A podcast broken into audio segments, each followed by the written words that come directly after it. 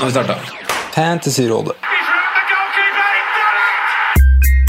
Hei, og velkommen til podkast med Fantasyrådet. Fantasy, fantasy, fantasy. Topp 10 eller topp 10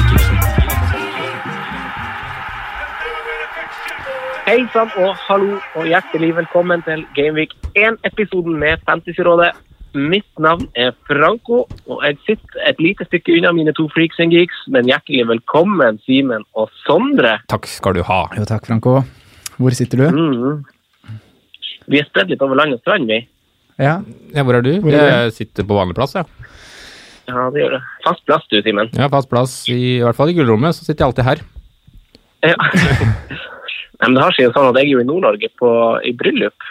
Ah. Jeg har jo bare tatt noen ekstra dager her oppe, så jeg er over telefonen med dere, men det er jo hyggelig å høre dere stemmene deres likevel. ja likeså. Uh, sitter du under, uh, under et teppe? uh, skal jeg være sånn Sigurd og si eh, ja, Ja. men så sier han egentlig nei.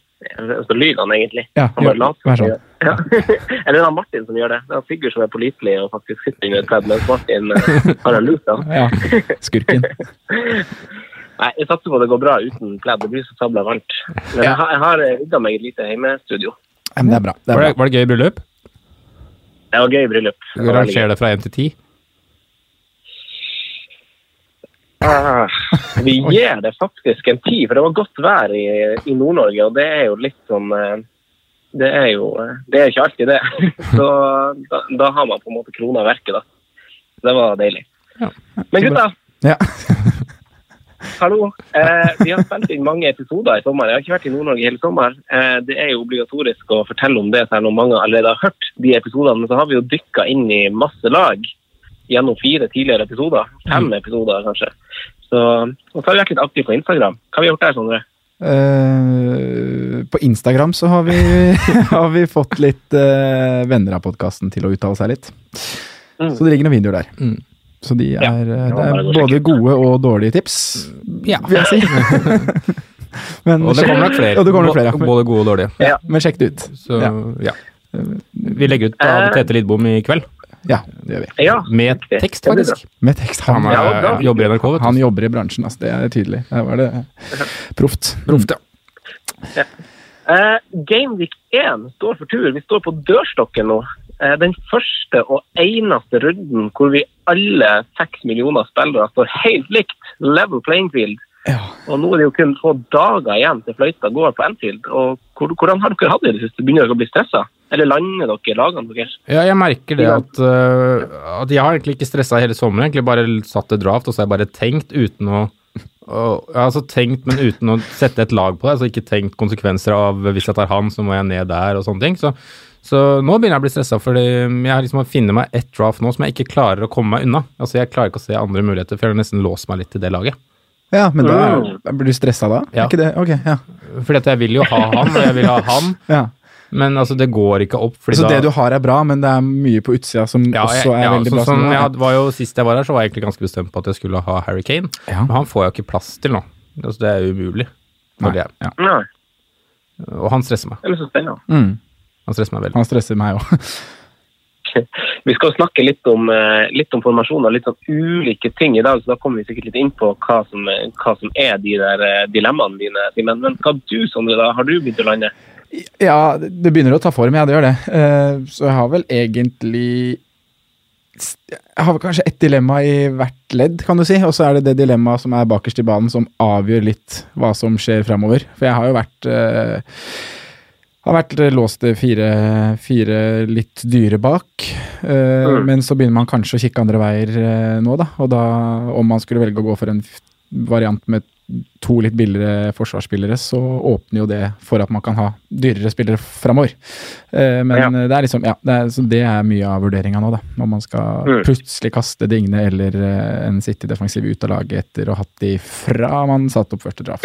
Så det, Ja, men det er, jo, Ja. det er jo naturlig å begynne å tenke på det, og vi skal snakke mer om det i dag. Vi kan jo ikke ignorere Liverpool og Everton sin preseason-form fullstendig. Altså, det må jo gjøre at vi gjør noen vurderinger. Det skal vi snakke litt om i dag. Ja. så ja.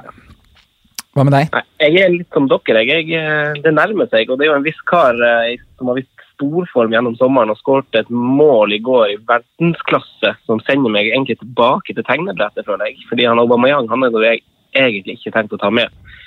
Nei, Men eh, etter formen han har vist, og de to kampene han har nå i starten av sesongen, så er det noe der som tror at, eh, tror at han kan starte, starte og sette full fyr i teltet fra start. Også det er jo en mann som hvis han spiller 90 hver, hver kamp, som han ikke gjorde før, så er han toppskårer i Premier League. Det er jeg ganske sikker på. Mm. Ja. Jeg var sikker på det i fjor òg, Simen, og det traff du greit på. Ja, men altså, han, han, I fjor så skårte han jo mål egentlig som ingen fikk med seg. altså Plutselig var han toppskårer. Altså, det var egentlig litt sånn rart, da. Mm. Men mm. Ja, haken der er jo som du sier Og alt av det at han er dytta ut. Da. Altså, Arsenal må jo bygge lag rundt han. De skal jo ikke få han til å bare bli med av en del av gjengen. Det er jo ja, merkelig. Ikke coaching i verdensklasse. Jo da, altså, det ser veldig bra ut, det offensiven til Arsenal, men uh, hadde jeg vært coach, så hadde jeg hatt Aubameyang som nier, og så hadde jeg bygga laget rundt, rundt det. Han har i hvert fall vært veldig god i sommer, så det er litt sånn, eh, litt sånn urovekkende å måtte, skulle måtte ditche han. fra. For han er den, hvis jeg dropper, da er han den jeg kommer til å frykte mest, tror jeg. Som jeg kommer til å Så du er ikke, Ja, redd, men- er ikke så redd for Harry Kane da, sin, sin start hjemme mot Villa? Jo, siden Villa er nyopprykka og sånn, så vet jeg jo ikke helt. Men eh, jeg vet ikke. han Kane har jo Jeg har fortsatt den fjorårssesongen i bakhodet, og det er jo, på- har jo på en måte ikke vært Jeg vil først se at han er tilbake der han skal være, før jeg faktisk setter han inn, tror jeg. Mm, ja, Spurs midten, da, som liksom er baken, har jo aldri sett så bra ut som han gjør på papiret nå, med tanke på Mm. en Dombele inn og en Lo Celso som nærmer seg veldig, og en Christian Eriksen som fortsatt er der. Da. Så jeg tror vel han vil få ganske bra med fòring. Ja, Enig. det er godt mulig, det.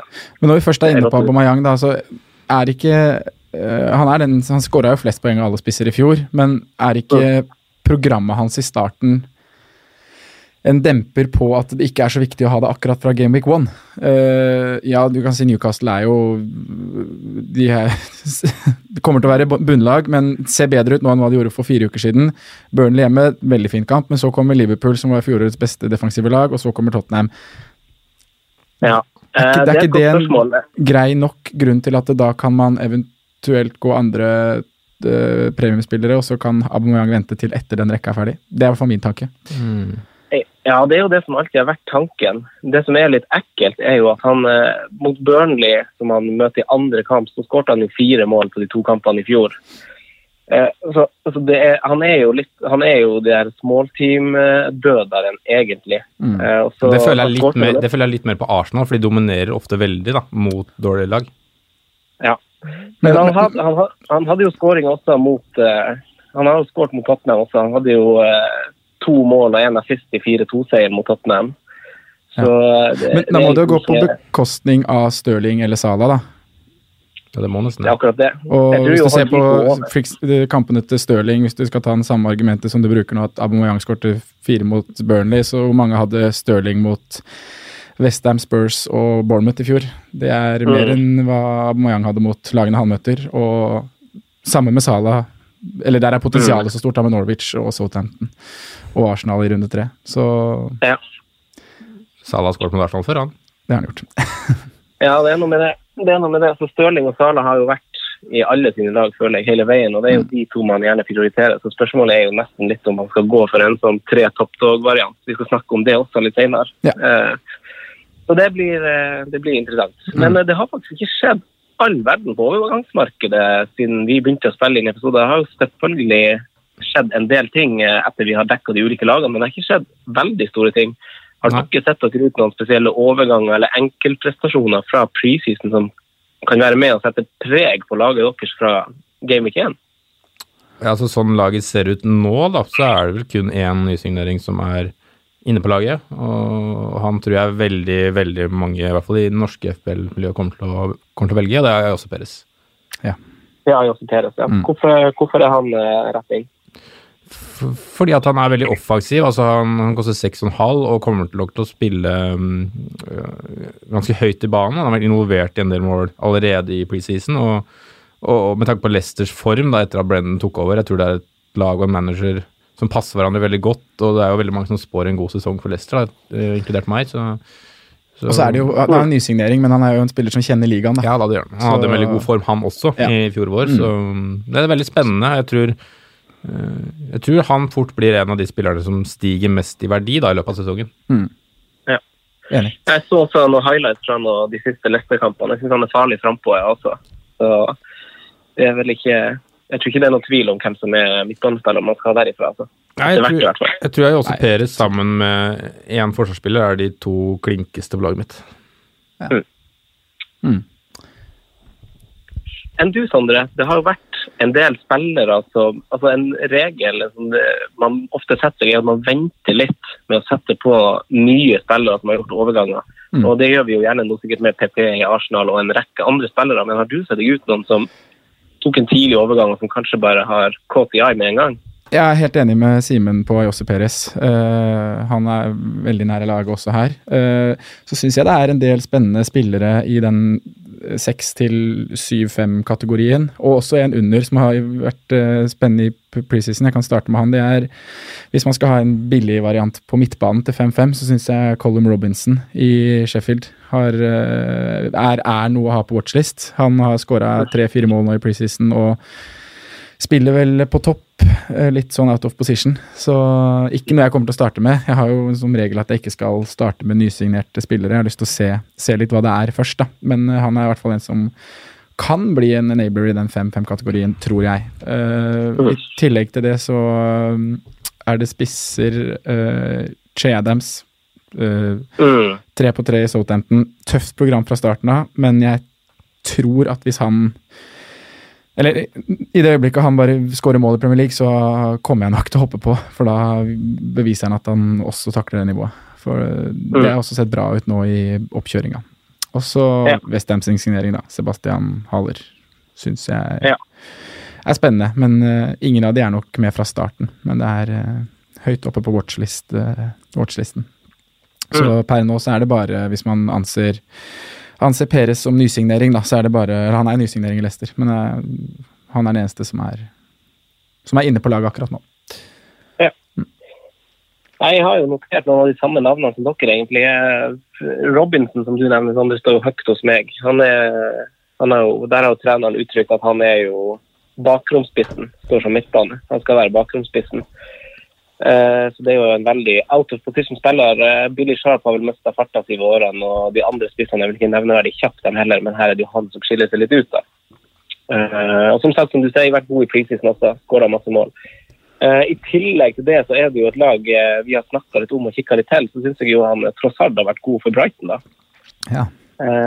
Sammen i den trioen på topp med Glenn Murray og Lucadia. Men det er kanskje, en sånn vent og se, det også. Han koster seks. Mm. Men eh, ellers har jeg nevnt, eh, skrevet ned mange av de samme som dere. Eh, Sondre, hva mer skal vi rekke i dag? Før vi, eh, før vi tar en jingle, så må du bare ta oss litt igjennom de her bullet pointene vi skal gjennom.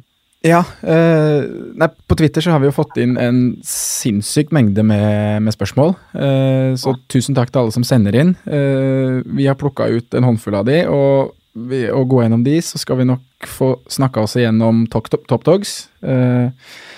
Hvem vi, vi mener er det riktige å ha, og hvorfor. Eh, vi skal snakke litt om formasjonen. Hva foretrekker vi per nå, og hvorfor er det slik? Eh, og så skal vi ta de prisklassene vi snakka litt om nå, da.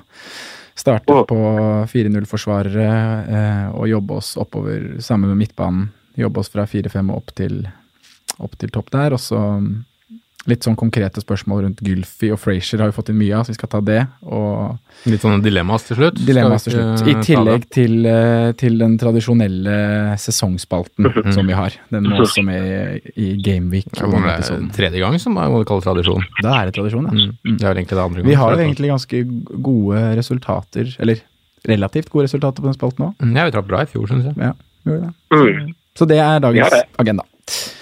Det er dagens agenda. Ja. Liten pause, da. Liten pause.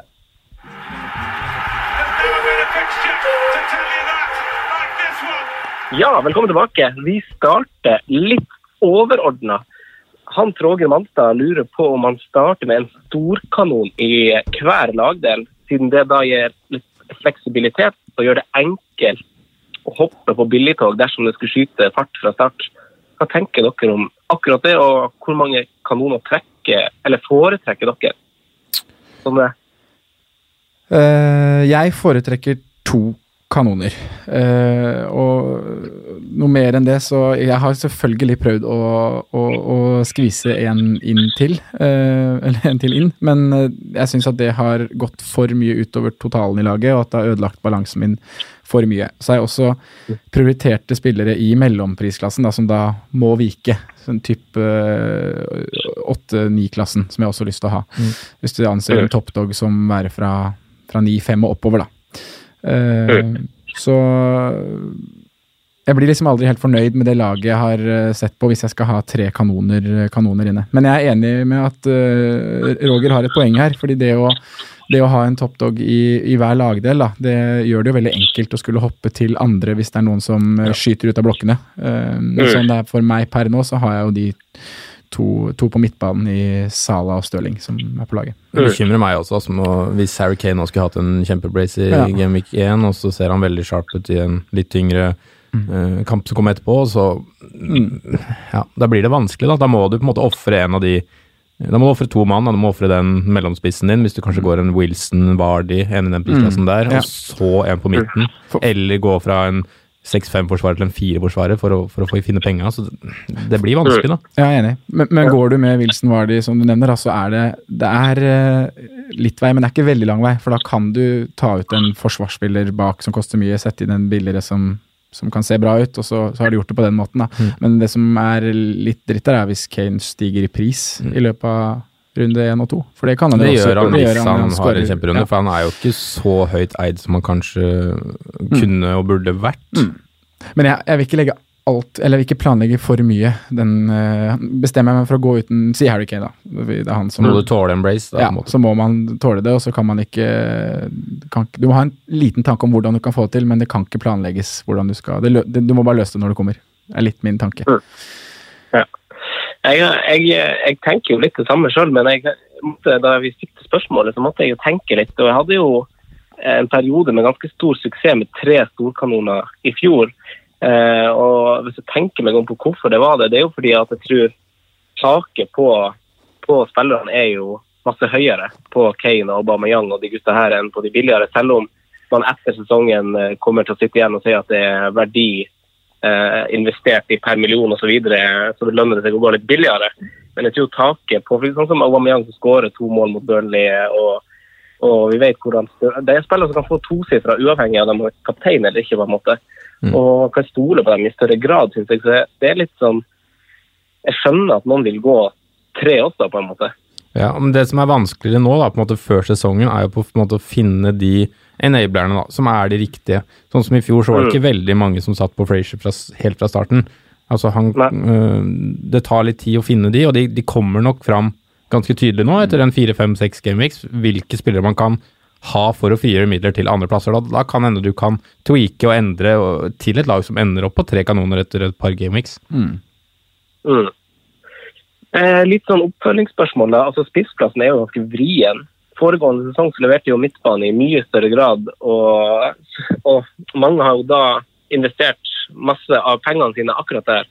Men hva tenker dere om, om Nå har vi dyppa litt i Aubameyang, men Kane og Aguero i tillegg, overses de litt? Står de litt i skyggen til Sala og Stirling? Eller kunne det vært lurt å gå for en spiss også med tanke på balansen?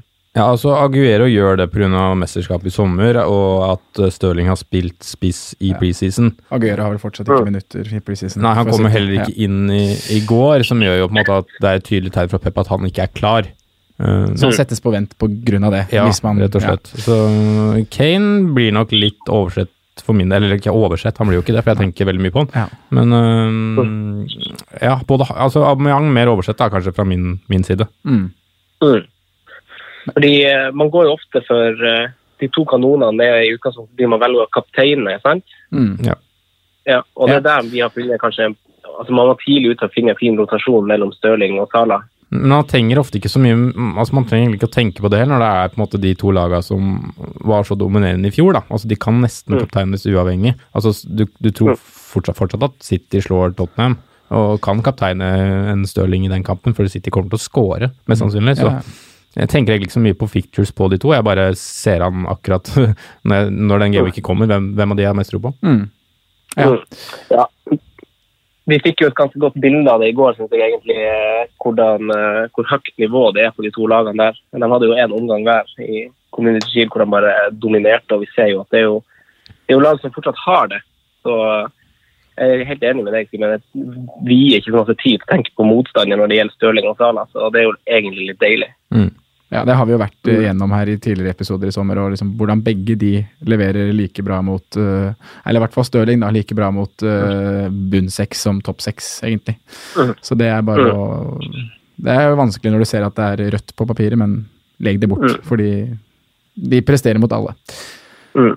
De spissene skiller seg litt ut. altså Aubameyang, Aguero og Kane. Eh, faktisk I det rekkefølget så er jo dem, dem som, de tre spillerne som snitter høyest mot eh, nedre halvdel. Syv poeng eh, tett opp mot alle tre. Ja. Aubameyang er høyest.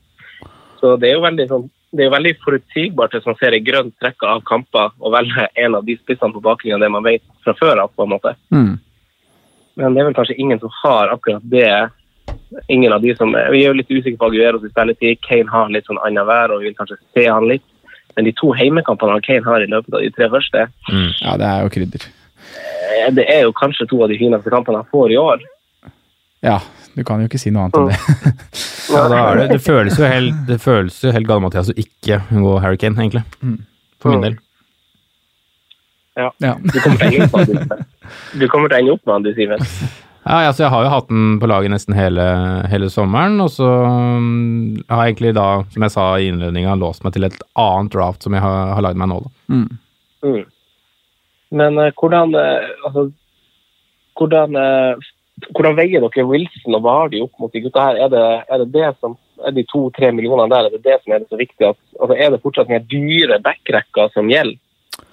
Ja, det er jo det som gjør det litt. Og Wilson var de, som du sier, som også er meget spennende.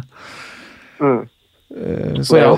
Men, men eh, det var jo det jeg snakka litt om innledningsvis her, at hvis jeg velger å gå bort fra en av de dyre bak, så kan jo f.eks.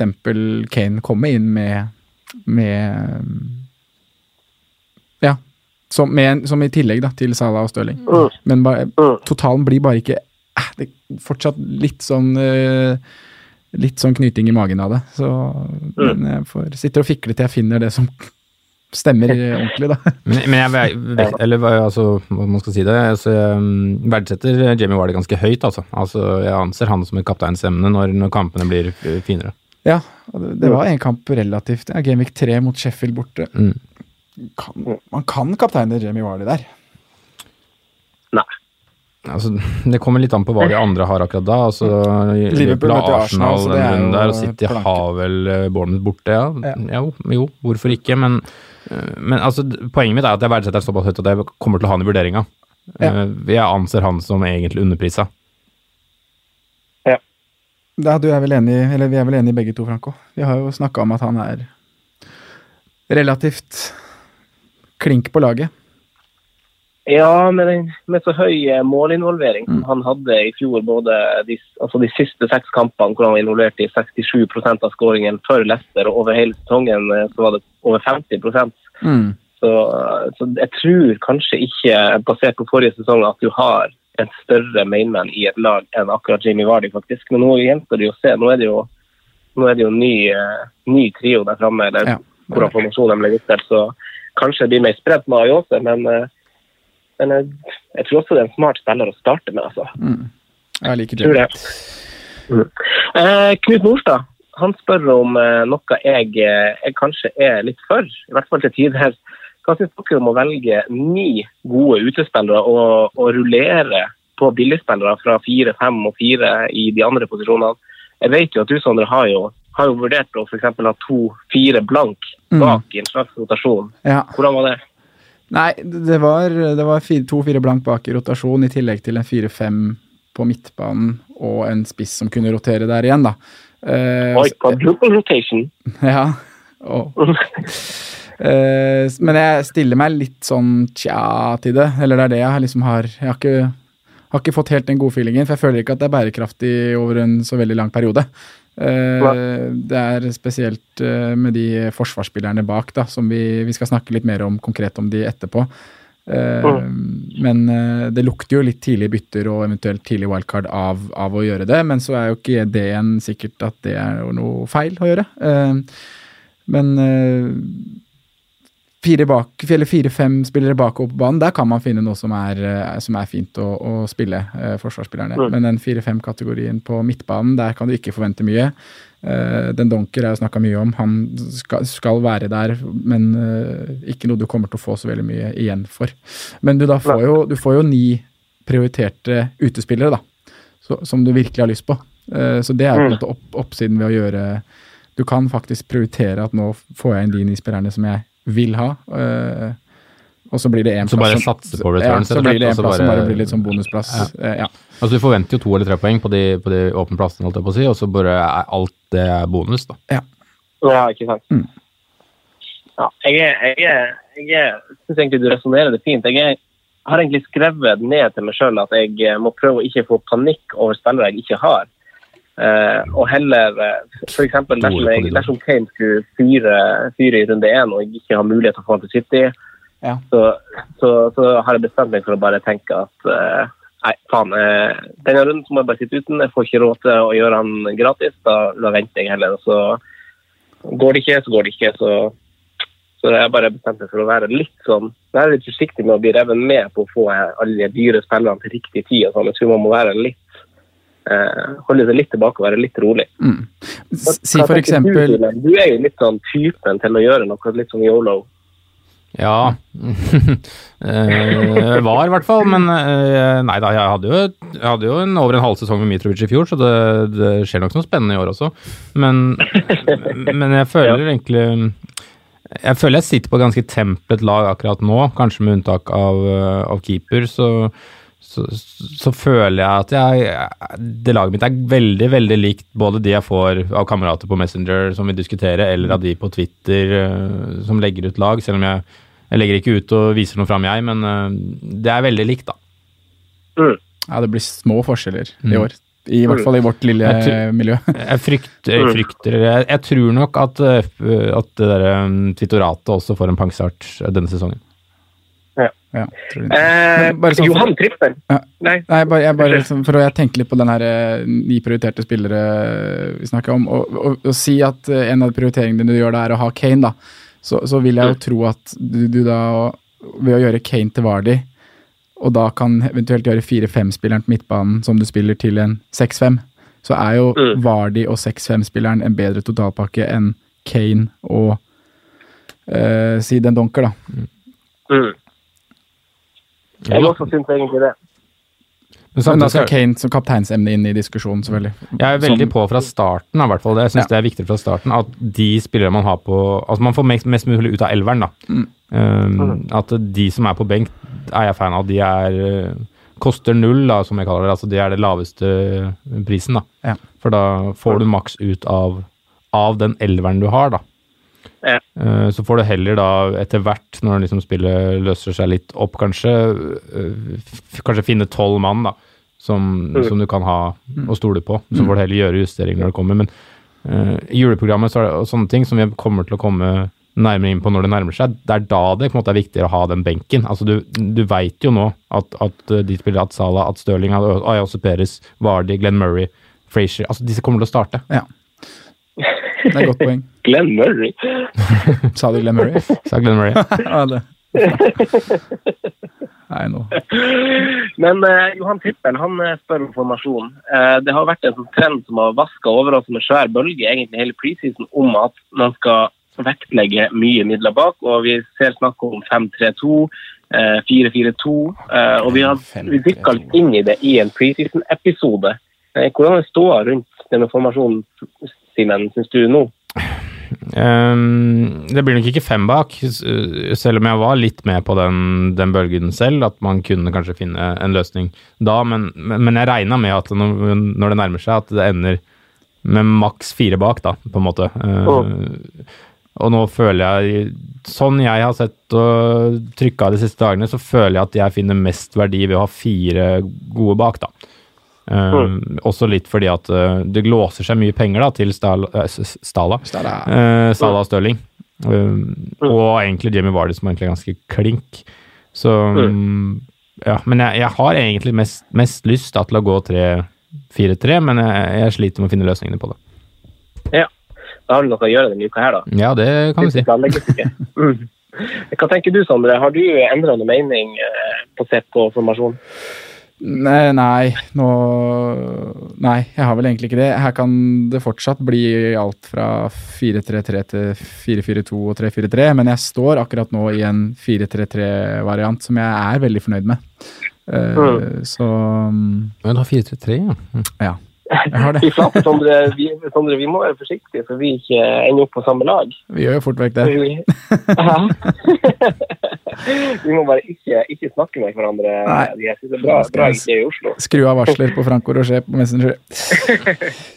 Nei, men eh, det, det, der ståa er jo sånn at Liverpool-gutta fortsatt er klink av flere årsaker, og mm, ja, potensialet som ligger der. Eh, Salah Stirling på Mm. midten i tillegg til en joker som jeg liker, og så vil jeg ha jeg vil ha tre spillende spisser. Jeg. Så når jeg sier 4-4-2, så er ikke det en 4-5-spiss som ikke, ikke spiller. Det er heller en Mm. litt dyrere som kan rulleres, eller ja, Så kan hende at du går for en, en slags tolvmannstaktikk, da. ja det kan være. Mm.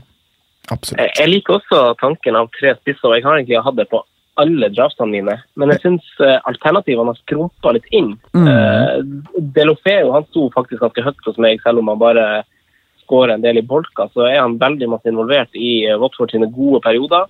Men han har ikke spilt de siste to treningskampene eh, til Watford. og Der har de, han, ikke Demarai Gray, men han Andre Gray spilt og skåret. Så han Delofeo han kommer jo ikke til å starte til helga, tenker jeg. Yota har fått konkurranse og har Europa League. Eh, Joshua King har spilt litt lite, egentlig, selv om han hadde en sterk generalprøve. Så det er Ja, jeg, har snudd veldig på Joshua King. Ja, det har blitt litt vanskeligere enn enn jeg hadde håpa å få til de tre spissene jeg ønsker. Ja, jeg, jeg Men- ser ikke hvilke spisser man Jeg ser ikke hvilke spisser man kan ha til 5-5 maks, da, som kommer til å gjøre det bra i det hele tatt. Nei. Jeg skal, vi skal snakke litt spisser etterpå, ja. Jeg vet- men skal Mm. vi ta det nå? For jeg har nei, det er, nei altså, jeg, bare, jeg ville bare supplere til poenget. Det er jo Ja. lettere å ha tre altså, å, legge opp til å spille med tre spisser siden fire-fem spisser, spissene til fire-fem ikke spiller. Eh, og du vil ikke benke en spiller til fem, eller benke unødvendige midler. da. Så det er noe med det. Ja. Eh, nei, jeg eh, kan jo bare, før vi, før vi går videre, kan jeg jo bare si at jeg egentlig også ligger på, på fire bak. Men jeg har litt lyst til å, å se på varianter hvor du kan kjøre tre, og kjøre den klassiske rotasjonen av en fire-fem, egentlig. Eh, bare for å se noe de siste dagene. For nå har jeg stått litt som Simen på samme draft ganske lenge. mm. Så må, Det er litt kjedelig det òg, å liksom ikke bli fornøyd med noe annet draft. For uh, du blir liksom litt for låst. Jeg vil heller ha tre draft, jeg skal skifte mellom, og så fem minutter for deadline, så bare Så velger du et. der. Ja, der ble det det. Ja. Og så rekker du ikke å bytte helt, så det blir én variant litt fra det ene draftet og det andre draftet. Eh, vi hopper Men- videre. Andreas Magnussen påpeker ei dårlig oppkjøring for eh, Liverpool. Det har vært svake resultater, det har vært ganske mange fravær av ulike grunner. Eh, og da spillet åpna, var det jo den største selvfølge at man skulle ha tre fra Liverpool. Eh, skal man det fortsatt? Og, og kan backene deres eh, følge opp formen fra i fjor? Uh, jeg la ikke en litt svak preseason uh, uten flere sentrale spillere uh, rokere om på FB-laget mitt. Jeg gjør ikke det. Eh, vi må ikke glemme at eh, Liverpool har stått med Mignolet i mål. Eh, Mané, Salah, Firmino, Keita, Shakiri har vært borte store deler av sesongen. eh, også rullerte ned på stoppeplass. Så jeg tror Og vi så i går hvor, hvor bra det kan være, da, i spesielt andre omgangen. Så jeg tror at det man ikke skal vektlegge det så mye. Klopp har vel også i intervjuer sagt at det, de er i rute, ting ser bra ut. Så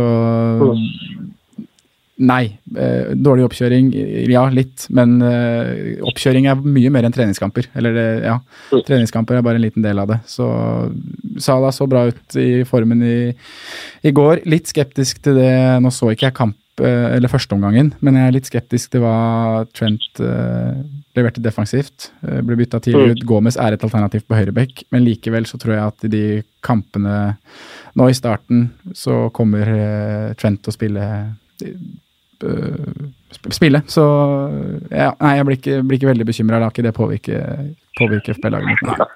Og så er det det gjelder å ha litt perspektiv på hvordan, eh, hvordan eh, motstandere de her backene møtte i går, tenker jeg òg. Ja, det var- Ja. Det er ikke hver helg du møter Manchester City, og så gode som Manchester City var den første halvtimen. Det er det veldig lenge siden jeg har sett dem, faktisk. Altså, De var ekstremt gode og tredde Altså, Liverpool hadde problem, problemer konstant i 30 minutter da, med, med det City der, men de slipper bare inn på en dødball. Um, Så det er liksom ikke helt krise. Den andre gangen de leverer, som Sondre er inne på, er fantastisk.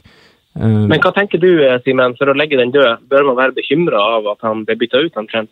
Altså konkurransen og rotasjonen Jeg, jeg tror det handler mer om at det er Manchester City, og at kanskje Klopp velger å gjøre det mot noen av de, de, de lagene hvor vi blir kanskje litt kjørt. da. At man har, Mm. vet at man har muligheten. Jeg tror også at det er litt for å teste Gomez, som har vært ute lenge. Eh, at Mm. han ser på dette mm, Altså ja, ikke åpenbart at Liverpool ville vinne, vinne i går, det er det ingen tvil om. Men at han også bruker det som en mulighet for å, for å se an litt hvor spillerne står. At han, han bytter inn Lallana og, og, og, og bruker Gomez, altså litt, litt av den, de greiene der, da. Men jeg, jeg er overbevist om at Trent kommer til å spille mot de dårlige motstanderne. fordi har, Det var jo det Liverpool var gode på i fjor, var jo det backspillet. Men jeg tror ingen av de følger opp fjorårssesongen med tanke på at i fjor var både Oxlade og Nabi Keita ute store deler av sesongen, eller de sleit. Eh, Og jeg tror indreløperne får en mye mer bidragsgivende offensiv rolle enn hva de hadde i fjor, og da tror jeg ofte at bekkene står mer igjen. Og ut, ut fra de eh, vi så i går, så tror jeg ikke det blir masse cornerassist på han Trent heller. Fy faen, altså, jeg, jeg har sagt det lenge nå, altså, at Liverpool må kjøpe seg en mann altså, Du skulle gjerne hatt en mann som bare kunne slå corner og så ikke være med å spille. Altså, det er forferdelig. Det var store deler i fjor, og det er grunnen til at van Dijk også ikke skårte mer mål. Uh, altså, vi har ikke noen til å serve cornere, dessverre. Men, men kan du tenke at man kan se eh, at Trent f.eks. starter de to første kampene, og da når det kommer bedre motstand, typ Arsenal, Nei. som er sterke på kontringer, at det da Kloppe spiller Jeg, tror det, jeg tenker motstand City og utslagsrunde slik. Champions League. Ja, ikke sant. Så da er det jo ikke så veldig mye som har påvirkning på Det gjenstår fortsatt å se. Eh, Men eh, som, som sagt så hadde jo de to lagene, City og Liverpool, hver sin omgang i går, hvor de fikk visst hva som bor i de. Eh, hvis vi legger litt City inn i diskusjonen, her, så er jo han Laporte jo ute. Hvordan vurderer vi backrekka deres? De har to spillere til 5-5 som spiller. Klarte seg helt greit i går. Klart han fikk kjørt seg litt mot Sala i ny og ne, men helt greit. Og så har vi jo KDB og Bernardo. Bernardo litt usynlig, men KDB ser vi jo, han er jo i eh, slag. Mhm. Hva tenker vi om Hadde vel fire Nei, tre i Bekkerekka til 5-5 som spilte i går. Ja, det var det vel gjerne. Otamendi òg. Nå skal det sies da at det sto at Laporte han, altså, Pep hadde håpa han ble klar til i går, så han er jo ikke veldig langt unna å bli klar. Nei da. og, nei det lukter jo at han da er klar til uh, serieåpning. ja, og da, Sondre er vel klar på at, at det blir Stones sin Laporte, men jeg er litt skeptisk til hele den stopper. Ja, eller jeg har også sagt Ja, at nå hvis uh, høyrebekken Cancelo blir klar som det, også, Mm. det er jo sterke, Jeg vet ikke om det er bekrefta noe ennå, men det er jo sterkere og sterkere rykter. Mm. Så tror jeg også at eh, Kyle Walker kan operere litt som stopper i år, jeg. Mm. Så, Jeg syns han var veldig god for England jeg, i den høyre stopperposisjonen sin også. det var jo en sånn sånn treervariant, men jeg tror også det at når City spiller to, nei, fire bak, da med to stoppere, så kan det være Walker og Laporte som spiller på de to, de to stoppeplassene. Så Det høres ut som man kan tette seg på det. ja, det gjør det. Og den signeringa av ny høyreback er ikke noe som styrker Stones sin, Stone sin sak, og heller ikke det at Otamendi leverte ganske bra i går, Han var god. etter hva jeg har lest, og det lille jeg så. Mm. Så mm, Ja, litt mer usikker på, på usikkerhet på Stones. Mm. Så er jo Zinchenko da kanskje Mm. det som ser best ut til 5-5 bak der. Ja, det gjør, det gjør jo kanskje det per i dag, egentlig. Gjør det ikke det? Jo, jeg syns det, men ta, så veit ikke jeg hva Angelino egentlig er, Nei. for å være ærlig. Det kan fort hende at han stjeler minutter, men akkurat nå så syns jeg også det er Zinchenko som virker som det beste alternativet der, da. Mm. Mm. Ja, vi var jo litt, vi snakka i hvert fall, du og jeg, Simen, var veldig skeptiske til det i, da vi snakka om topp fem-episoden. Uh, blir fort et sånt Ja, han blir jo det. bytte som bare venter, holdt jeg på å si. At det kommer til å Mm. bli problemer der fra runde fire-fem. Uh, jeg har faktisk tenkt jeg, jeg har lyst til å starte med City bak, men så De er jo, det, om ikke beste, i hvert fall det nest beste defensive laget i Premier League. Det er Liverpool og City er overlegne på defensive tall. Men så har tenkt muligheten på å bare drite i det, altså, når det er så mye usikkerhet, og heller bare ha tre, tre dyre der, og så da kjøre to billige inn og droppe City fra start, hvor de har Western borte, Tottenham hjemme og Bournemouth borte. Som alle er lag som Det er jo litt sånn potensielle ban bananskalag. Jeg føler jeg jeg synes det er ikke så mye må- Altså, uh, Chinchenko, målpoeng. nja Nettopp. Altså, det er jo Det kan kan fort hende at uh, Si at du, du, du rangerer den opp mot en sekser eller en annen 5-5, som som er på et lag som ja, de slipper inn mer mål, men de kommer til å ha flere returns. Det er ikke sikkert at poengdifferansen totalt blir så mye, så kan hende altså at den andre er faktisk bedre, så ja. Jeg er ikke Men altså, Zinchenko er jo med i tankene på alle drops her. Det Ja, er han jo, Han er det. åpenbart. Og så er det men- også det for meg Det er jo litt at så veldig mange kommer til å ha Eller det er vel ikke så veldig mange som har Zinchenko, egentlig, men det er mange som kommer til å stå med City defensiv, da. Mm. Så de poengene har jeg jo, har jeg lyst på. Om det, men Laporte blir for dyrt. Det er helt uaktuelt. Ja, han eh, er lagt helt fram. Ja, det er helt eh, Ja. Det er bare å glemme. Og Walker blir også for dyr for eh, den pakka jeg ser på nå, selv om han eh, kanskje er det som er sikrest med tanke på spilletid. Altså, han spilt, han, hadde han spilt fast som en høyrebekk, altså ingen Cancelo kommer inn før, så er Walker aktuell. Ja. For jeg, sy- han, altså, Ja. han, hvis du ser på historikken hans, da, så har han en dårlig offensiv sesong i, fjor. Mm. Eh, Tre-fire målpoeng bak der han pleier å ligge, så det kan fort bli bra, det. Han burde hatt assist eller mål i går, hadde det ikke vært for at Stirling uh, surrer det til alene med keeperen der. Yes, han burde hatt skåring der, ja. Ja, men uh, City og Liverpool det er jo som du sier, Sandre, det er noe trygt og veldig defensivt der. De hadde jo henholdsvis 20 og 21 clean sheets i fjor. Det er de eneste lagene som har mer enn halvparten av kamper med clean sheets. Så det sier seg jo sjøl at de, kan jo få, de holder jo null mot hvem som helst. Og vi husker City i fjor, noen av de, da det sprakk noen gang, så var det jo personlige feil. Det var liksom klønete mål de slapp inn. Ja. Eh, og det er som Simen også har vært inne på i preseason-podkasten, at, eh, at City dominerer kamper så mye at det blir liksom ikke så mye sjanser mot. Og det er litt sånn tilfeldigheter når det først skjer at de slipper inn et. Ja, ja det er veldig, veldig trygt og godt. Så Ja. Så en City-forsvarer til 5-5 er jeg egentlig veldig keen på. Mm. Og jeg tror egentlig at Sinchenko jeg tror han kommer til å spille fram til eh, ganske lenge, men eh, det er bare det jeg tror. Det er fram, fram til ganske lenge.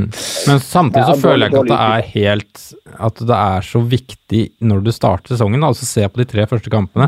De er faktisk litt kinkige. Ja, jeg syns også det. Altså, jeg tror Tottenham øh, kommer til å legge en god plan for hvordan de skal altså Pochettino har vist i fjor at han kan gi Pep trøbbel, og de kommer til å legge en god plan på hvordan demme opp og kontre mot Spurs, nei, mot øh, City.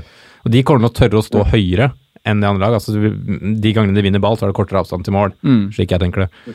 Det er jo problemet når, de, når dårlige lag møter City, at de legger seg såpass lavt at de har så lang vei fram til mål. mål, ja. Uh, Westham også, sitt offensivt, ser jo bra ut. Det er et av de lagene jeg er kjempespente på i år. Ja, Ja. det gjør det. Så Samme med Bournemouth, de kan faktisk skåre mot hvem som helst, Mm. med tanke på hvor gode de er på kontra med, med Frazier og Wilson. Så jeg, jeg er ikke så sikker på tre clean sheets etter tre runder, altså. Nei. Jeg føler, føler Jeg, jeg er ikke sikker på det i det hele tatt, men jeg tror, ikke, jeg tror det er få som har bedre utgangspunkt som, som lag å skaffe seg masse clean sheets enn City. Ja, Altså, ja, Jeg vektlegger jo Liverpool sitt program ganske mye høyere de tre første, da, selv med Arsenal i runde tre. med tanke på clean ja, sheet. ja, ja, det er jo City vi har. Det er jo, eh, vi er vel enige i at det er Liverpool vi har øverst, og vi kommer vel sikkert begge, eller begge tre å til å sitte med, sitte med to Liverpool-spillere bak, i hvert fall. Ja. Så. Men, eh, men eh, hvis vi fortsetter litt på forsvarsspillere eh, Det er jo altså bak de her Liverpool-spillerne og, og han Van Saka, så er det jo han Del, Nei, han Ding som er mest eid. Hva Mm. tenker du om Everton? Altså, de har jo mista Ghana. De har fylt tomrommet med, med Delf og han Gabamin. Og så har de mista Kurt Zuma, da. Jeg tror kanskje tomrommet til Ghana blir fylt sikkert helt greit av de to der, men hva tenker vi om stopperplassen? Altså, altså, gjør det at verdien synker i Coleman og Lucadin? Jeg, jeg prata med en eh, bekjent av meg, Aksel Pedersen, som også sendte inn spørsmål til i dag, eh, om Everton litt i, i går. og Han syns altså det ser ganske bra ut defensivt i, i preseason, og at Dingen har vært eh, egentlig ekstremt offensiv. Så, så jeg, han har egentlig prata meg litt tilbake på Dingen, altså. Eh, Ja. For han var, var litt sånn set and forget når jeg åpna, og så vært litt ute av det, egentlig. Og så nå er jeg egentlig veldig på han igjen. Men Ja. eh, Ghana, han Gabamine, jeg har ikke sett han noen ting, jeg. Men eh, han virker som å være en, en spiller som skal fylle tomrommet ganske bra, da, ut fra det jeg har hørt. Ja, jeg så, og, men Moise Keane også på topp der, så syns jeg liksom hele Everton ser bra ut. Så, og vi har jo prata om det, det var det første vi egentlig la merke til når, når eh, terminlista kom ut, at, det- at det ser veldig grønt ut da, for Everton fra starten av årets sesong. Mm. Så jeg syns det er veldig dumt å gå uten Everton, egentlig. Mm. Ja, enig. Men jeg gidder ikke å spare 0,5 for å gå Coleman, tror jeg. Altså. Det blir eh, digg. Jeg sjekka litt, det blir litt sånn nerding. Jeg sjekka litt eh, opp mot de, og vi, eh, også da vi dekka de her lagene, så snakka jeg ganske mye om forskjell på han Dign og han, og han Coleman. Og i korte trekk så er jo han Luka Dean en masse masse bedre kreatør, mens han Coleman eh, tidvis befinner seg litt i boks og søker litt som Ricardo Pereira inn i 16.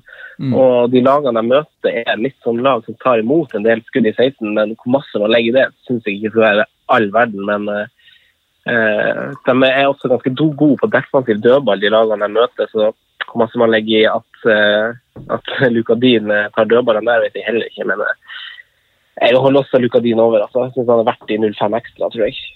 Nei, jeg føler det selv, altså. Mm. Hva tenker du, Sondre?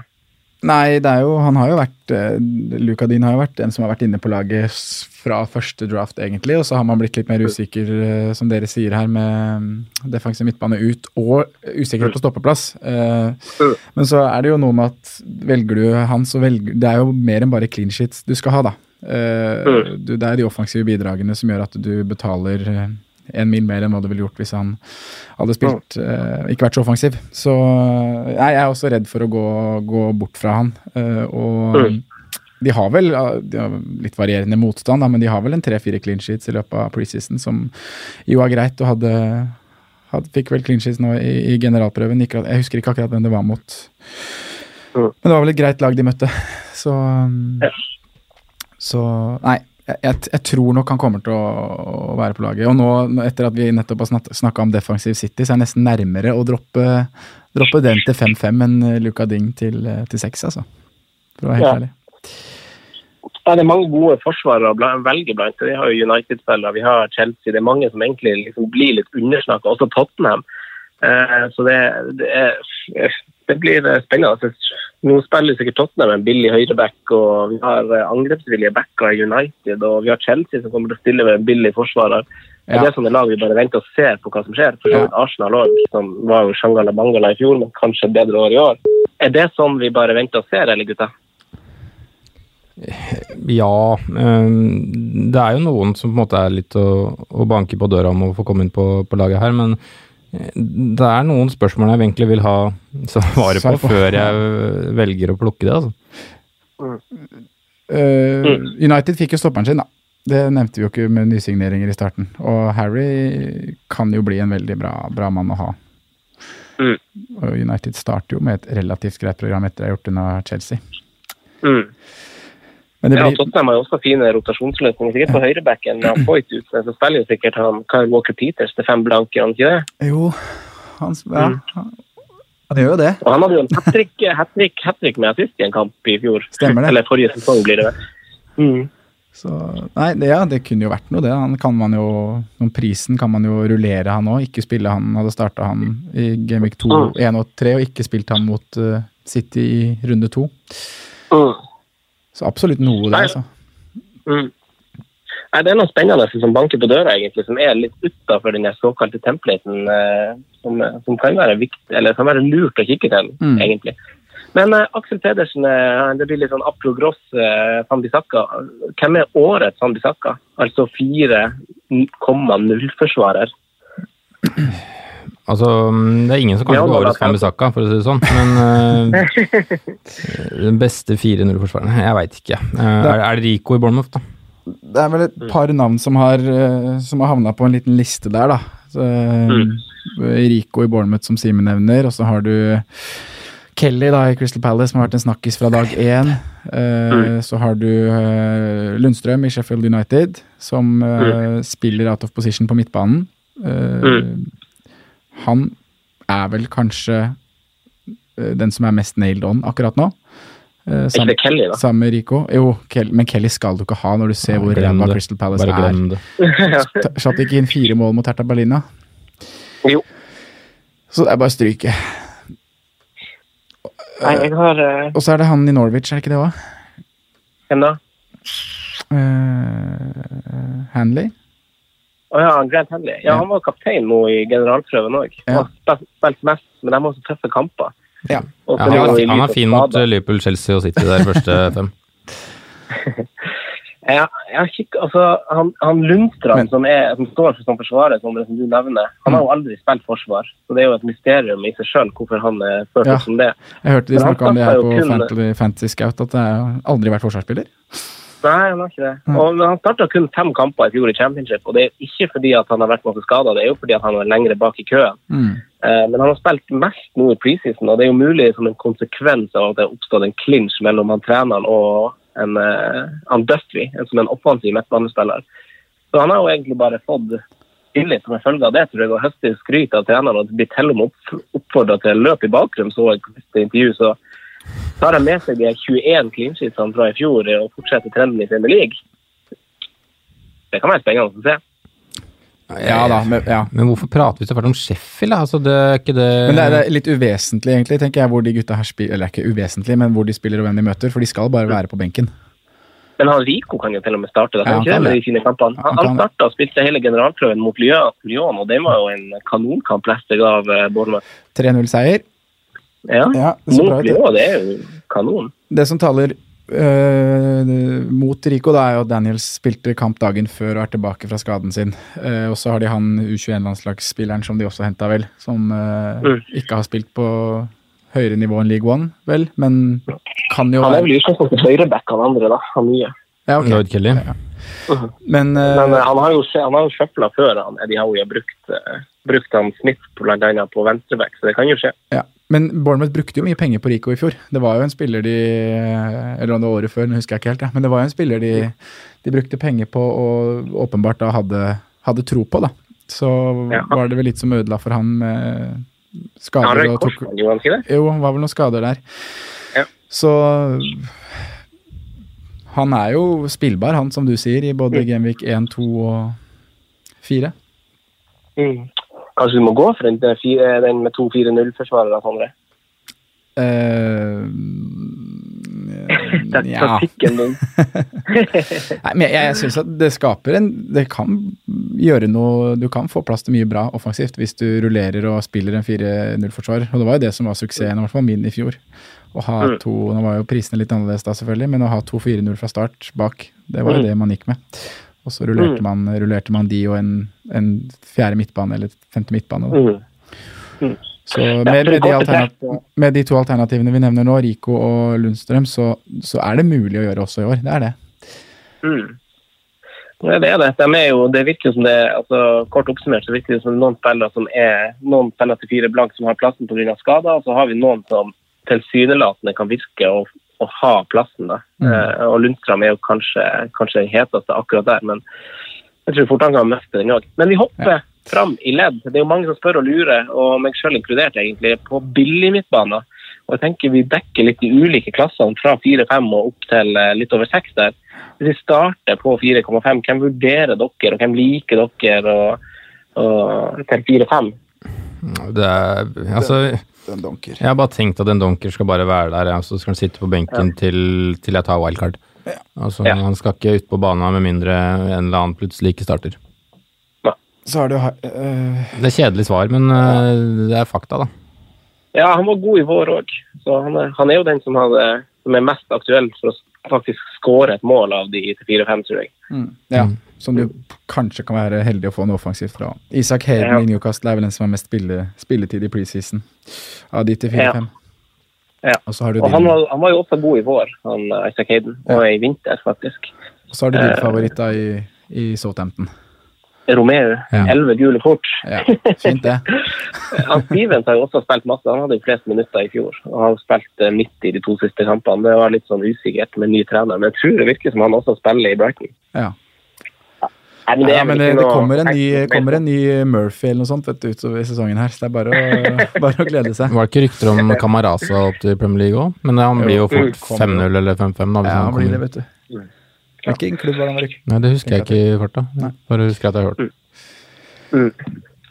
Eh, skal vi se, eh, Hvis vi hopper litt fram, i ledda, 4-5 er ikke vits å snakke så mye om, tror jeg. Eh, Jorginho var jo litt populær i starten pga. straffa, men nå ser jeg at han på Harkley har tatt straffe med Jorginho på banen i preseason. Ja, glem, Eh, glem han. Hva- eh, mens han Norwood tar jo straffa og alt av dødballer for så vidt i, eh, i Sheffield United. Eh, Har dere notert dere noen til fem blank? Ja.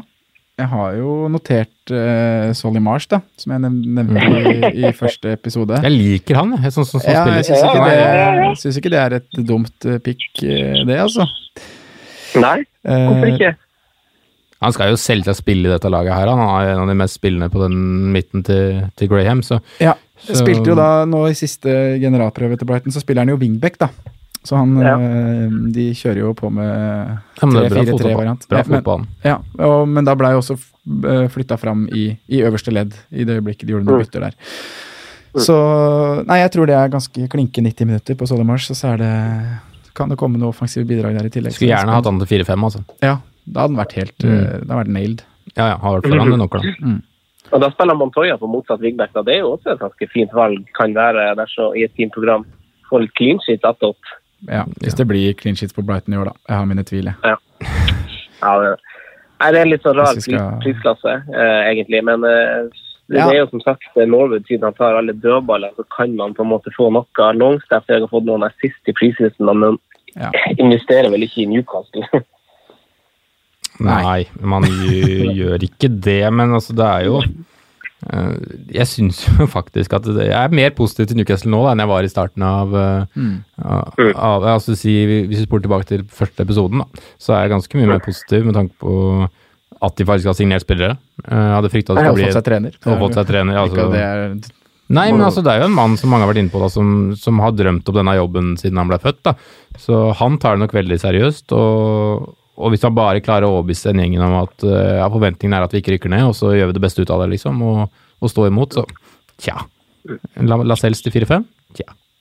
Absolutt. Til 5 til 5-5, da, annet enn Robinson, som vi har snakka om. Eh, skal vi se Robinson er jo out of position, det snakka vi om innledningsvis. Han, du nevnte han jo, han spiller spiss. Ja, han er jo den, mm. den mest spennende der. Mm.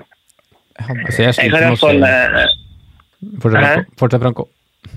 Nei, jeg har, jeg har bare skrevet ned han Ceballos Bajos fordi at han kommer jo Jeg tror han kommer til å spille en litt tror og håper at han kommer til å spille en litt dypere rolle, men at siden han Emry rullerer som han gjør, så kan han fort få noen kamper i tide. Mm. Og så har jeg faktisk notert han, eh, han Hughes i Watford. Mm. han har, eh, jeg hadde et par fine assist i preseason, og Delofeu spiller ikke til å begynne med. Det gjør heller ikke han Pereira. Eh, så da tror jeg eh, han, han er liksom prissatt som den tredje-fjerde beste i Watford. Han er jo det. Men eh, nå spiller ikke de andre, så kanskje det hviler et større ansvar der. Men han kommer iallfall til å spille. Mm. Ja. Jeg vet ikke om dere har noe å supplere med. Nei, jeg har ikke noen flere enn det, altså. Nei, altså Hadde man hatt uendelig med spotter, så kunne man jo hatt en Gini Wijnaldum, men, men det gjør det umulig, da, med på at du vil ha tre andre. Mm. Eh, Etter seks da, det er jo ganske spennende prisklasse. Almiron har jo figurert eh, litt som spiss med nyervervelsen Joe Linton. Mm. Og så har vi jo Chelsea midtbanen. Hva, hva tenker vi om 6-0? Det er- Der er det masse friskt. Ja, det er som du sier, en del sånn uh, watchlist-spillere, da, i mine Ja, øyne. det, er det, det er det jeg føler, da, med Ja. hele den sulamitten der, egentlig. Det er ingen av de som er inne fra start, men uh, Trossard, som du nevner da, som et eksempel, jeg kan slenge på Jarmolenko, som også koster seks, spillere jeg kommer Mm. til å følge nøye med på. Og hvis Mm. de viser seg til å å være pålogga, da, så kan de fort havne inn på, inn på laget.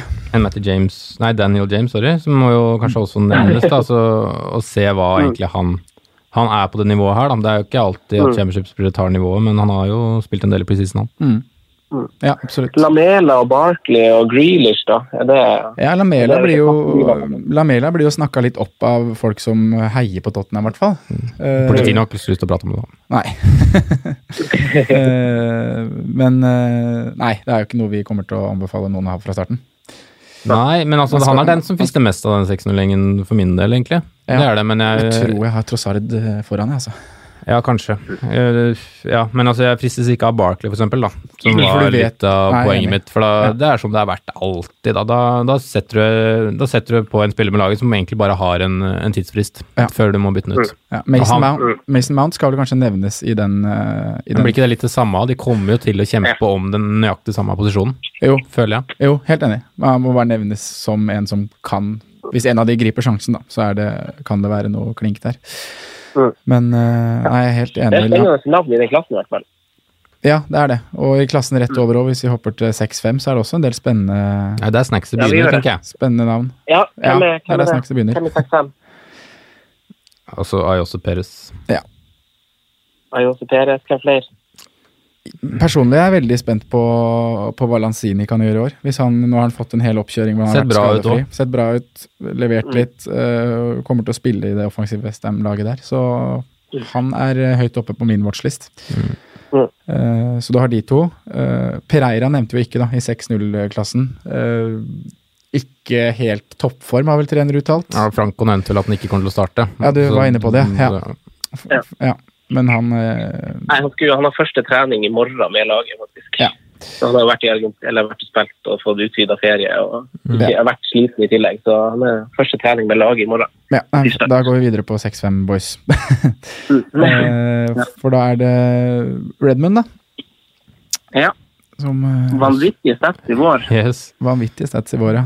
Og, men altså, det, det er den der Southampton Gate da, som jeg er litt sånn, sånn redd for. Men vi får se hva de, hva det blir i år. ja. Også Det- en tøff start, da. Det er kjedelig svar, det òg, da. Ja. Men uh, det er jo kanskje her du må gå, da. Hvis du skal krydre laget ditt og komme deg litt vekk, vekk fra, fra tempelet, så er det liksom en av de Mm. i denne eh, gjengen her kanskje man skal gå, da, istedenfor Jeg sier kanskje ikke istedenfor Jose Perez, da, men for å krydre litt, da. Ja. Det er, der det, kan, det er der det kan være forskjell i lag, tenker jeg. For det blir veldig mye her kan det fort få Her, her vi antageligvis får en spiller som nest, ikke så mange forventer, men som får en brace eller to i løpet av de fire-fem første gameweeksa. mm. Mm. Nei, det, det er spennende. Så syns jeg vi skal nevne Anton Tornals òg, egentlig.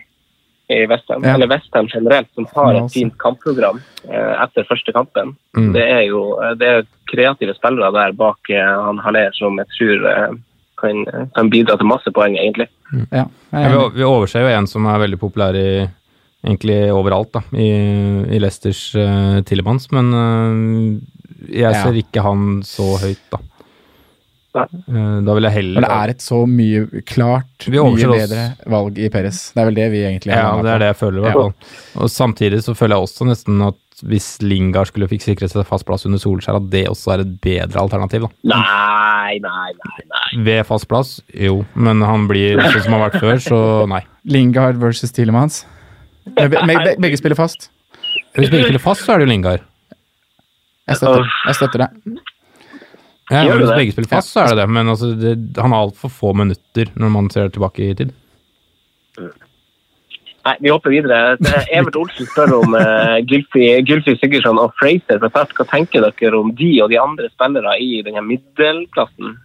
Ja, nei, for da, ja, da er vi opp et prishakk fra 6-5, og der har jo Frazier og Gylfi vært de, de som har vært mest populære i løpet av sommeren. Uh, og Mm. Gylfi har vært uh, på mitt eget lag, har vært inne ved flere anledninger. Uh, Mm. men jeg sliter med å finne plass til priskategorien i det puslespillet jeg driver og stabler akkurat nå.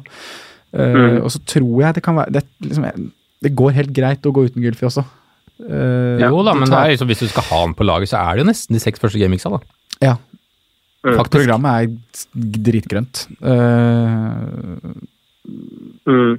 Men jeg tar heller kommer til å. Ja, han gjør det. Men han er jo så proven nå, da, at uh, det er liksom litt Han nå er litt vondt å gå utenfor. han har vært inne på så mange draft. Og den sesongen han hadde i fjor, var veldig bra, med 19 målpoeng. Og ble vel bedre og bedre utover, utover året òg. Ja, og Det er jo bare én sesong han har levert mer målpoeng enn det han gjorde i, i fjor, da. Så Mm. han fant seg litt til rette. Mm. Dere tror ikke han er helt ferdig, da? 30 Nei, år og Nei, nei. Hæ? Har det i seg fortsatt? Han, er, han er jo ikke så avhengig av, av tempoet sitt, da, som han kanskje er det han begynner å miste nå. Altså, Han er jo en, en spiller som er veldig god med ball, som ser øh, åpninger og har et bra smart, skudd. blir smartere og smartere. Mer erfaring. Eh, så har vi jo Men- Fraser og Wilson har jo begge, begge blitt værende i, eh, i Bournemouth, og vi vet jo at den linken er jo eh, den, den beste linken i Premier League. Det er ingen som assisterer og hverandre så mye som de to gjør. Eh, så det er jo kanskje et godt valg eh, å gå for lille Fraser. Ja, jeg tror det. Jeg tror det I hvert fall over sesongen som helhet, så tror jeg nok han er en, Mm. en av de spillerne som rettferdiggjør prisen sin ganske greit. Ja, det er en fin prissetting. Enig, enig med Simen der, altså.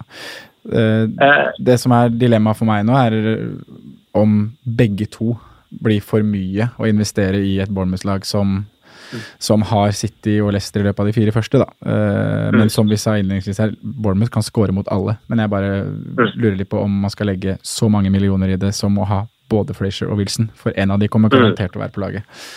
Uh, mm. De er jo Nei, så masse jeg legger ikke jeg i den kurven, tror jeg. Hva sa den da? Nei, så mye jeg legger ikke jeg i den Bournemouth-kurven. Ja, Men- men- men du har lyst på én. Hvem velger du da, hvis du Eller hva er liksom tankene per nå? Nei, jeg eh, En av de, men jeg synes jeg veier dem ganske likt. Men jeg tror litt pga. den balansen at det kan være litt smart å gå Wilson. Jeg.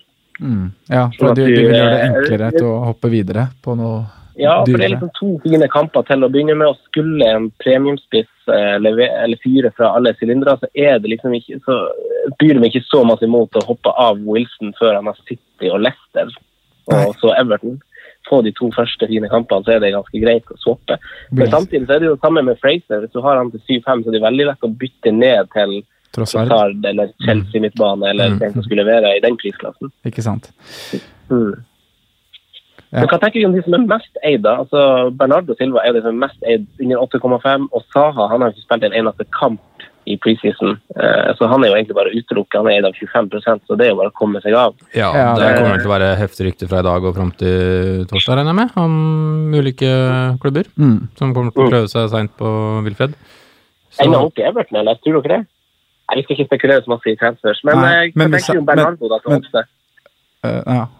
Bernardo Totte, sikkert et ganske greit valg. Han eh, så jo frisk ut i går. Uh, Det kommer til å bli Det er et bra valg, det, vet du. Men det er, da er Men jeg har f.eks. tillegg- Frazier over, da. Ja, jeg også har det.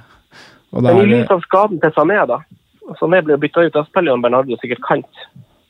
Ja. Ja. det kan fort hende. Eller eventuelt Støling ut, da, så Jesus inn. Mm. Som det var det Ja, han faktisk fortsatt, han gjorde. spiller sikkert fortsatt kant uansett. Ja da. Så Nei, Bernardo kan nok bli veldig, veldig fin, da, men jeg, jeg lurer nesten på om det kan være mer målpoeng i han da, hvis han skulle fått en innerløper enn en som kant. Faktisk. Men det er, spiller vel eh, hans navnebror David enn så lenge. mm. Eh, Men, eh, nei, jeg tror, eh, jeg ville heller gått Gulfi enn Bernardo, hvis jeg skulle brukt penger på den Ja, jeg jo hadde nok det akkurat nå. Ja. Og så er Frazier Jeg tror jeg igjen 0,5 billigere foran begge to.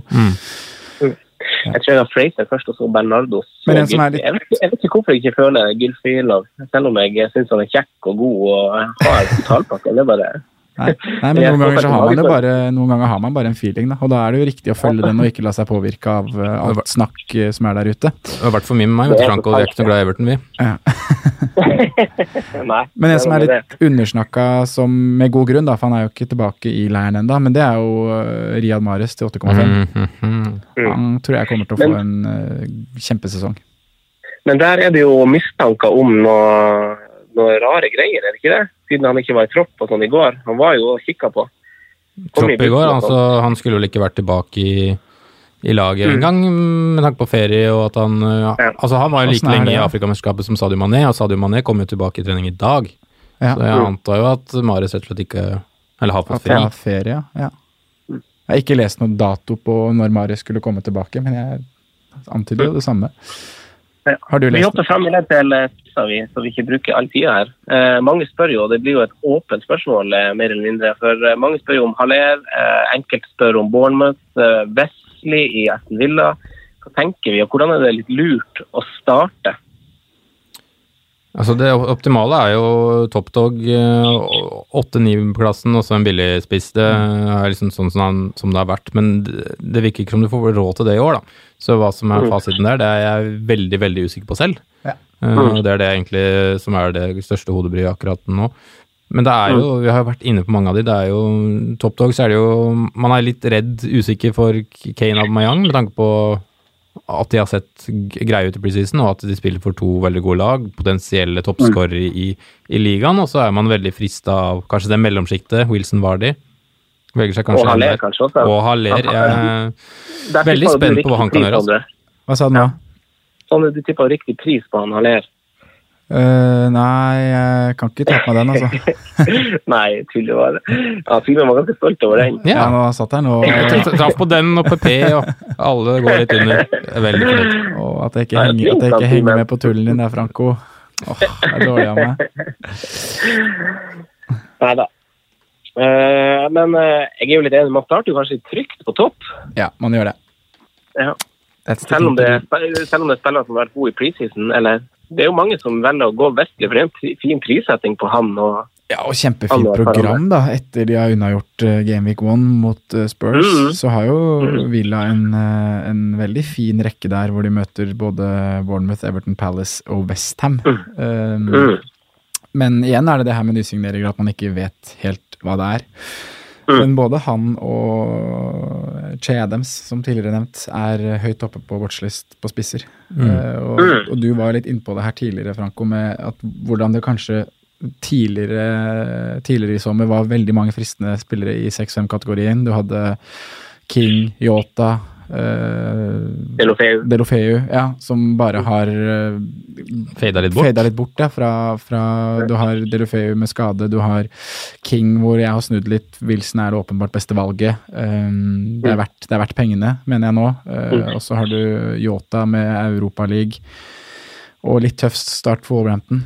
Uh, Og en ny signering inn. Kutt, ja, i, det har vi jo ikke nevnt, gutten. men de har jo fått henta en spiss fra Milan som da Jeg frykter at det kan kan Perry? skyve Yota Perry skal inn. Ja. Skyve Yota litt ut på kant igjen, da. Jeg tror han kommer til å spille, men eh, det var i vår man hadde den eh, linken med Yota Imenez sammen på topp, som var veldig, veldig frisk, men at det kan gjøre noe med posisjonen hans i laget. Mm. Så ja, nei, jeg går trygt og trygt fra start. Spillere som kjenner ligaen, og som er i en priskategori hvor man enkelt kan bytte seg både opp og ned. Men så Ja. er det mange navn på watchlist her i 6- og 7-5-kategorien. Eh, til slutt, før vi går til eh, spalten Og Lokadia, da. Vi må jo nevne Chris Wood også. Ja, Og Locadia, du må nevne Chris Wood. Ja, altså Chris Wood er, Ja. er Hvis jeg liksom skulle satt en spiller nå, seks og en halv spiss hele sesongen som får mest poeng, så er det Chris Wood. Han han har skåret ni mål i preseason, har han ikke det? Ni på seks eller noe sånt? Ingen som har skåret mer enn han. Nei, ikke sant. Form. Men det er vel to, to hat-tricker mot to veldig svake lag. tror Ja da, Men det- eh. Jeg har ikke vært ute og reist i Asia og møtt storlagene de, så Men eh, ja. Og Joe Linton Newcastle seks minutter. Ja. Det er ikke noen grunn til at han skal være et dårligere valg enn en, en han vil ha spissen, altså. Eh, til slutt, før vi går over til spalten som blir litt annerledes og litt ny i dag, eh, siden det er Gameweek 1-podkast, så, så vil jeg bare at dere skal se hvem er deres det, var, det er jo ikke så mange kanoner å ta av, men hvordan rangerer dere toppdogsene? Hvis vi begynner med deg, Simen. Um, Hva, Top Dogs, er det over Det er de aller dyreste, dem du bare har to eller tre av. Ja, ok. Nei, eh, akkurat nå da så har jeg Mohammed Salah, nummer én. Um, Enn du har? Mohammed, Mohammed Salah. Ja, ja. Eh, basert på de to siste sesongene, og at han ser nesten piggere ut enn noen gang uh, nå. ja. Uh, Raheem Sterling, nummer to. Mm. Og så er jeg veldig usikker på tre, men jeg tror nok jeg må si Harry Kane, da. Jeg, Ja. jeg tror det. Jeg tror han slår litt tilbake etter en litt svakere sesong i fjor. ja. Skal jeg ha flere enn tre, eller? Nei, du kan bestemme sjøl. Hva tenker du, Sondre? Nei, Det blir jo veldig kjedelig, det her, da. Jeg har jo akkurat den samme topp tre-lista. Med Salah, Sterling og Kane. Det er ikke så mange toppdogs, egentlig. Altså, Aguero snakkes jo ikke om, egentlig. Nei, Så- han gjør ikke det. Også, Men jeg har Mané er jo Kane, så, så jeg frisker det litt opp, da. Ja, du har Abomayang Aubameyang foran Kane, ja. Ja.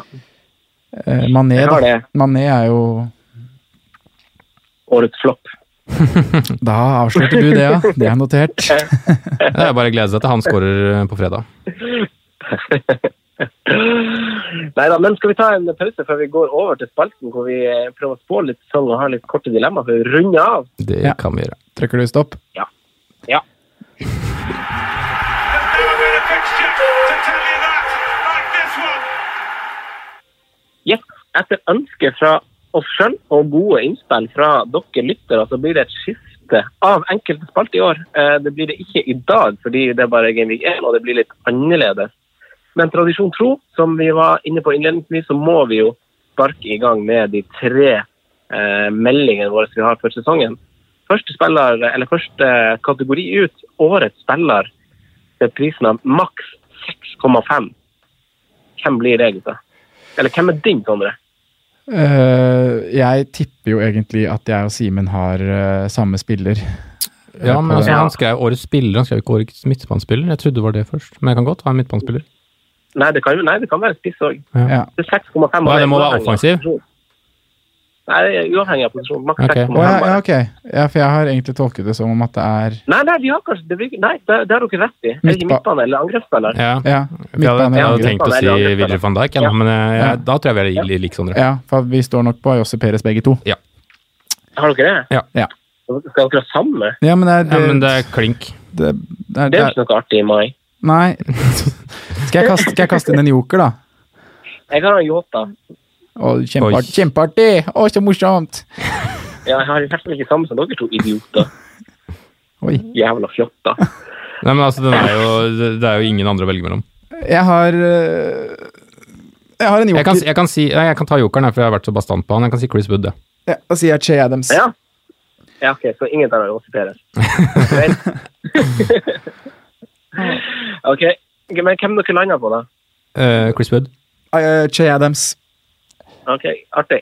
Det var artig, ja, gutta. Det Ja, var kjempegøy! Da må du bytte. hey! Må du bytte du òg, da, siden du var så kjedelig, du òg. Nei.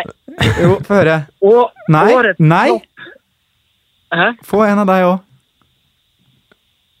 Skal jeg gå for endre? Ja? Nei, men jeg mener jo Yota. Ja? Vi mente ikke vi, Simen. Nei, vi mente Nei, ikke vi mente ikke Nei, ok. Nei, er Sånn det var. nei, bra. Ok. Årets flopp spiller til over ni. Der har du sagt, da har du sagt Sadio Mané. Ja, den er ganske Ja, enkel, da. Sergio Aguero. Jeg står for det. Det er med veldig vond smak i munnen jeg sier Sergio Aguero til 12 millioner. Jeg har skrevet i notatene mine her at jeg klarte ikke å si Aguero. Nei. jeg valgte Mané. Ja, det er helt jævlig å si det. Ja, det, det stakk for, det stakk for hardt. Ja. Mané med målpoeng på fredag, det blir kje start. Mm. Mané med målpoeng på fredag, det blir kje start. Det gjør han ikke. Han spiller jo ikke det. Jeg er ganske sikker på at han spiller. Ja, du er ikke han Klopp. han, Simen spiller mye han- FM, han, altså. Det, blir, det blir jo han Origi. Nei, ikke etter det han øh, Nei, nei, nei. Det blir Sadio Mané rett. Ja, greit, Simen. Årets billigforsvarer, maks 4,5. Hvem dere har der? Hvem skal starte? Du. Jeg har gått øh, tidligere Barcelona og Valencia-bekken. Montoya. Du har det, Oi, ja. den er fin. Den er tøft. Den liker jeg. Mm. Martin? Martin. Martin, ja. Gamle Martin. Jeg han er bra, altså. Nei, jeg syns det var veldig vanskelig å finne en 4-5-forsvarer som uh, ser bra ut nå. Eh, jeg hørte på den, uh, den humorpodkasten uh, Wildcard FC, uh, Ja. hvor de hadde med seg Marius Evensen som uh, meget dyktig gjest og god episode, forresten. Eh, men han nevner Fredrik eh, Gulbert, eller hvordan man uttaler det, som en joker til 4-5. Men. Jeg kan jo ikke gå for den jeg ikke vet noe særlig om meg selv. Men uh, han skal jo da angivelig være et spennende valg. Men jeg må jo bare gå for noe jeg vet om, jeg. Og det En er Villa, da. ja, Villa slipper vel inn mål, de. Men han skal være offensiv, sies det. Men eh, jeg kjører uh, Jeg kjører Diop. jeg. Ja, jeg var inne på han faktisk før, da. Westham 4-5. Mm. Hvem tror dere jeg kjører? Jamal Lascelles. Eller Dunk. Kjekk han òg. Mye koster Ben Mia. han koster fem. Ja, ja. Nei, men jeg har jo altså Jeg tror han Chambers og Sokratis starter. Som, men eh, i stopper alle Rob Kom igjen, da! Glem da! Orker ikke. Rob Holding Hæ? ja, jeg, tror, jeg tror han spiller seg inn. Men han Chambers har vært god i sommer, så jeg kunne jo egentlig sagt han òg. Men jeg ser han Holding. Mener du det? Fire femtespillere i Arsenal. Åh, dere likte ikke det. Nei, det var kjedelig, altså. Ja, det var tørt. Vi går over til noen dilemmaer, da. eh, første spissdilemma. Wood eller Wesley, Sondre? Eh, Wesley Franco. Wood. Wesley Wood. Jeg ser også Wesley pga. kamper. Ja. Eh, Delofeu eller King? King. Nei, nei takk. Eller må jeg velge? Ja, det, Å, ja. det, det er pest eller kolera. Nei, det blir jo King, da. Det blir King. Hadde det vært han Delofeu hvis du hadde visst han hadde starta? Nei, Jeg tror det hadde vært King. ja, tror det. Hvis jeg hadde visst at begge startet, så ville det vært han Delofeu, men jeg tror det blir han King siden ja. Hva sier du, Simen? Eh, King. Eh, Yota eller Dominic Calvet Lewin? Åtta. Yota. Yota. Yota. Jota. Dominic er jo Det blir jo litt konkurranse der nå med Moise Keane. Inn. Da får vi sju blankt, vi- blank, sju blank spiss, tenker jeg. Har vi fått pris, eller Nei, tipper du nå? Sju blank. Sju blank. ja. Da har vi fått pris. Fått pris. Sju blank på Moise Keane. Moise Keane. Oi, den er fin. Ja, han, han har ikke kommet da, men eh? Hæ? Ja, tar han spiss. Hva setter hun som, Simen? Moise Keane, ja. Ja. ja. Ja, han skal ha spiss. Spiss. Syv blank spiss. Er det satt sånn? Uh, Aubameyang eller Kane? Kane. Kane. Aubameyang, Vardy eller Wilton? Var det Ah, den er Den er verre. Ja, det er kanskje dagens verste. Ja. Mm. Uh, jeg tror jeg går Wilson, altså. Ja. Det er 50-50. ja, for du har jo Laiose i bakhånd der. Ja, men Men motsatt så har jeg jo Frazier. Frazier bak da. Så det Ja, ikke sant, så du har et godt alternativ på midten òg. ja. Jeg sier- Vardi. Ja. Jamie Vardy. Fraser eller Gylfi? Frazier. Frazier. Ja, samme. Robbo eller van Dijk? Van Dijk. Er, er det bare pga. pris, eller er det Nei, jeg tror han blir den mestskårende forsvarsspilleren i årets sesong. Ja, her er det her er det litt pga. pris. Ja, samme her. Ja. Jeg tror han blir den mestskårende 6,5-spilleren i årets sesong. Nå kommer en trippel, men jeg tror vi har blitt enige om her underveis. Tilemanns, Tilemanns VS Madison VS Ayote Perez. Ja, I notatene står det Peres versus Ja. Maddis versus Ayose. Ja, men jeg håper du skjønte at det var en skrivefeil. Ja, jeg skjønte det. Ayose Perez. Ayose Perez. Ja, samme. Er, ja, du syns han er god, du òg? Ja. Ja. ja. Jeg liker han godt. Mm. Jeg tror han får en god sesong. Ja, Han var som sagt farlig i preseason-kamper òg, så jeg syns det er bra valg av dere, egentlig. Det var dumt at dere bytta i stad. Barkley VS Pereira. Mason Mount. Greit. Ja, men er det, fra, er det fra start, eller er det fra Ja, det er egentlig lurt på når jeg har svart på alle her. Ja, jeg har tenkt året hele veien. Ja. Men det, jeg, da fortsetter jeg i samme stil. Pereira. Ja, ja, «Ja, samme her. Pereira. Ja. Nei, samme her, egentlig. Ja. Eh, rundens lag skal vi faktisk begynne å poste. Jeg vet ikke om vi tar det på Instagram eller hvor vi tar det, gutta. Er ikke det best, da? Å ta det på Insta? Jo. Og det blir eh, litt som vi snakka om, at vi tar det som vi mener er det beste laget for runden og poster hver gang, og så rullerer vi på hvem som har ansvar for det fra gang til gang. Mm. Ja. Ja, Det blir koselig. Det blir veldig gøy, det. Ja, det tror jeg blir gøy. Eh, kaptein første runden, da? Er det no-brainer? Beste valg, eller hvem som er kaptein på laget? Beste valg, eller uansett er det ikke altså Det er jo runde én, man kan jo bare starte med beste valg. Ja. Jeg er redd for at jeg ikke har beste valg på laget mitt. altså. ja jeg òg frykter det. har dere ikke en Aubameyang? Oi. Nei, Han får jeg heller ikke plass til. Nei. Da, det er jo Det er jo Mohammed, da. Det blir, det blir Ja, en Mohammed. Lille Mohammed. Mm. Ja. Uh, ja. Jeg syns egentlig gårsdagens kamp eh, sier nok, da, med tanke på hvor, hvor ivrig han var på å skåre mål og skyte, skyte. og at han har lært seg å skyte tilbake det hjørnet han kom fra, som han prøvde på et par, et par anledninger. Så han ser frisk Han ut. klarte, han klarte det nesten. Ja, han klarte det nesten. Ja, men han ser veldig frisk ut. Mm. ja, støtter den, ja. Nei, men da, da gjenstår det egentlig bare å ønske lykke til eh, til eh, oss og lytterne, egentlig. Den siste planleggingsuke og med Geivik Enstad på fredag Ja, det blir noen eh, lange timer med drodling. Det gjør det, altså. Og FM. Og FM, ja. Og FM, ja. Ja. Ikke minst. Ja. Mm. Godt med Men det var koselig å høre stemmene deres, gutter. Koselig å drodle med dere. Likeså. Mm. Ja, ja, ja. OK. Ha det og lykke til. God tur hjem igjen, da. God tur hjem, ja. Takk for det. Når kommer du hjem, egentlig? I morgen. Ja, ok, Greit. Jeg har hunden din, skjønner du. Så jeg bare lurte på når jeg skulle overlevere den tilbake. Ja, ja, greit. Ha det bra. Ha det. Takk for at du hørte på vår podkast. Vi setter stor pris på om du følger oss på Twitter, Instagram og Facebook. Vi er fans i rådet på alle mulige plattformer. Moderne media.